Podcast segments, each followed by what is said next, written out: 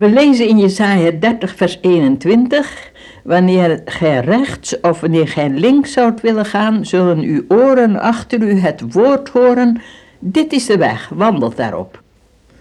Is dat nou heus waar? Is het nou werkelijk zo dat God zijn kinderen leidt? Ik wilde vandaag eens samen met u luisteren wat de Heilige Geest ons over leiding te zeggen heeft. Want dat is dikwijls een probleem. Voor vele mensen, soms ook voor mij. Er zijn er heel wat die zeggen, ik hoor nooit wat als ik om leiding vraag. Maar dan vraag ik me af, luistert u wel? Soms moeten we wel wachten op de Heer. Maar dat wachten op zichzelf al kan een zegen zijn. Als we het maar doen in de tegenwoordigheid van de Heer. En daar is nou de stille tijd zo fijn voor.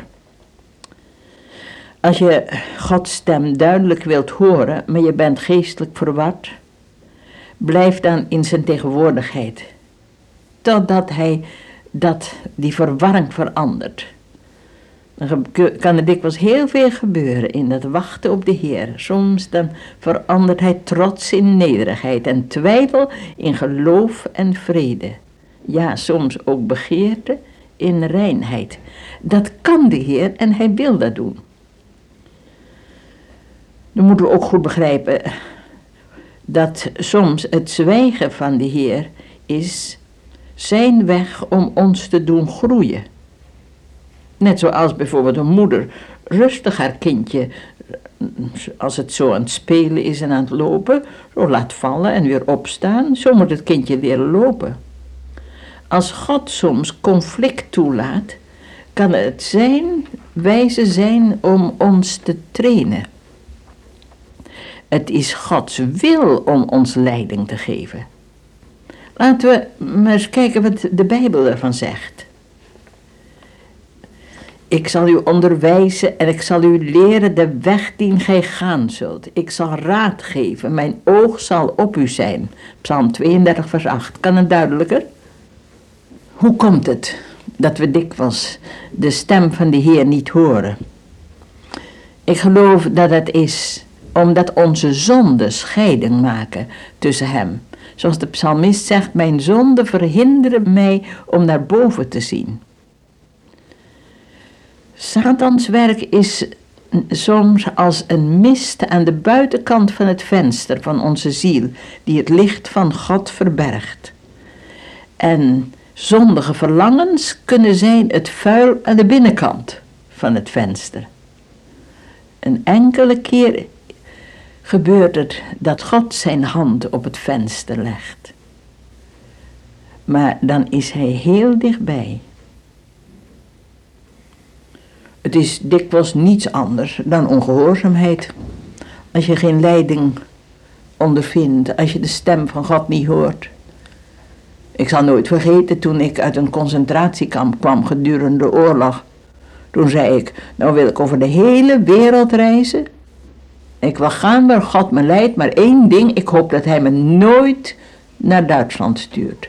Ik had door het door mijn ervaringen in gevangenissen had ik de, een verkeerde, een verwrongen idee gekregen van Duitsland. Het was geen wonder. Maar, nou, ik was dus maar heel beperkt gehoorzaam. Overal heer, maar niet naar Duitsland. En toen ging ik naar Amerika. En toen ik daar kwam, toen had ik die ervaring dat als ik om leiding vroeg, ik helemaal geen antwoord kreeg. En dat was erg. En toen ineens, toen vroeg ik, Heer, is er misschien een zonde tussen u en mij? En toen kwam heel duidelijk het antwoord, Duitsland. Toen begreep ik het. En toen zei ik, Heer, dan ook naar Duitsland. Nou, ik ben gegaan. En in Duitsland heb ik wel mijn vijanden gevonden, maar ook heel veel vrienden. Ik heb eigenlijk nergens op de wereld zoveel open deuren als in Duitsland. Mijn beste vrienden woonden er. Maar ik heb ook mijn vijanden eh, daar gevonden. En toen heb ik gemerkt dat als je je vijanden lief hebt, dan raak je de oceaan van Gods liefde aan zoals nooit tevoren. Maar ik had mijn les geleerd. Gehoorzaamheid. Niet ja, maar, maar ja, vader. Peter zei, nee, mijn heer. Maar je kunt niet nee zeggen als je zegt, mijn heer. En je kunt niet zeggen, mijn heer, als je nee zegt. Ja, ik geloof dat dit een van de belangrijkste dingen is, dat we gehoorzaam zijn. Want ongehoorzaamheid kan heel erg duister maken. God leidt op drie manieren. Ten eerste in ons gebed, dan door zijn woord, de Bijbel, en dan door omstandigheden. Ja, dat is zo heerlijk dat wij in ons gebed niet alleen maar hoeven te spreken, maar mogen luisteren. Dat gaat niet meteen. Dat is een zekere gewenning, zoals Job zegt: gewen u aan den Heer en heb vrede. Gods verborgen omgang vinden zielen daar zijn vrees in woont. Het heilgeheim wordt aan zijn vrienden naar zijn vreeverbond getoond. Maar nu komt er ook nog, de ogen houdt mijn stil gemoed opwaarts om op God te letten. Hij die trouw is, zal mijn voet voeren uit der boze netten.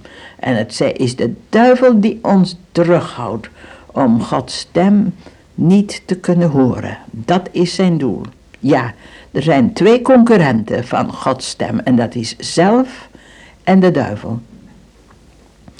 Dus nu moeten we leren gaan te onderscheiden wie spreekt. Nu is het zo dat Gods geboden en zijn woorden zijn eenvoudig, puur, waar. En die van de duivel zijn gecompliceerd. Hij gebruikt twijfel, rebellie en onwaarheid. Vergelijk eens deze twee stemmen. In Genesis 2, vers 17 staat dat God zegt: Van alle bomen in den hof moogt gij vrij eten.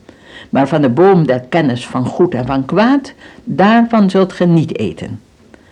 En dan lezen we wat Satan zegt in Genesis 3, vers 1. God heeft zeker wel gezegd: Gij zult niet eten van enige boom in de hof. Ziet u, Satan verdraait de woorden van God. En dan letten ze op hoe Satan ervan houdt te argumenteren. Eva vloog erin en die begon ook te argumenteren. Een ander ding is dat Satan heeft altijd haast. En God heeft de tijd. Want hij heeft de eeuwigheid. Zijn commando's kunnen wel dikwijls heel plotseling zijn, maar om het uit te werken geeft hij plenty van tijd. Het is voor de Heer helemaal niet moeilijk om ons te leiden. En dit vragen bij God geeft je een heerlijke gelegenheid voor zijn omgang. Het is een troost te weten dat we voordat we geboren werden, dat God toen zijn plannen al met ons gemaakt heeft. Hij heeft ons onze gaven en eigenschappen gegeven. En hij zal ze heus niet verspillen nu je een christen bent. En hij, onze goede herder, kent je lichamelijke, je emotionele, je geestelijke noden beter dan jezelf.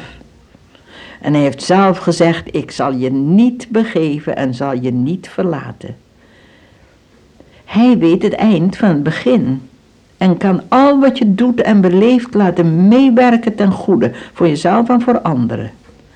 Als we maar beter begrepen wat het betekent Gods kinderen te zijn. Toen u de Heer Jezus aannam als uw heiland en uw verlosser en Heer, heeft Hij u een kind van God gemaakt. Als u dat nog nooit gedaan hebt, hoop ik dat u het nu doet. Maar nu moeten we begrijpen wat het betekent een kind van God zijn. God is onze Vader, die ons lief heeft. We zijn een deel van Hemzelf. Het is geen inspanning voor Hem om ons leiding te geven. Hij vindt het heerlijk. En er is niets te groot voor Zijn almacht en niets te klein voor Zijn liefde. O Heer, we danken U dat we uw kinderen zijn, Vader. En dat u een goede herder bent. Leer ons door uw geest uw stem duidelijk te horen. Dank u. Halleluja. Amen.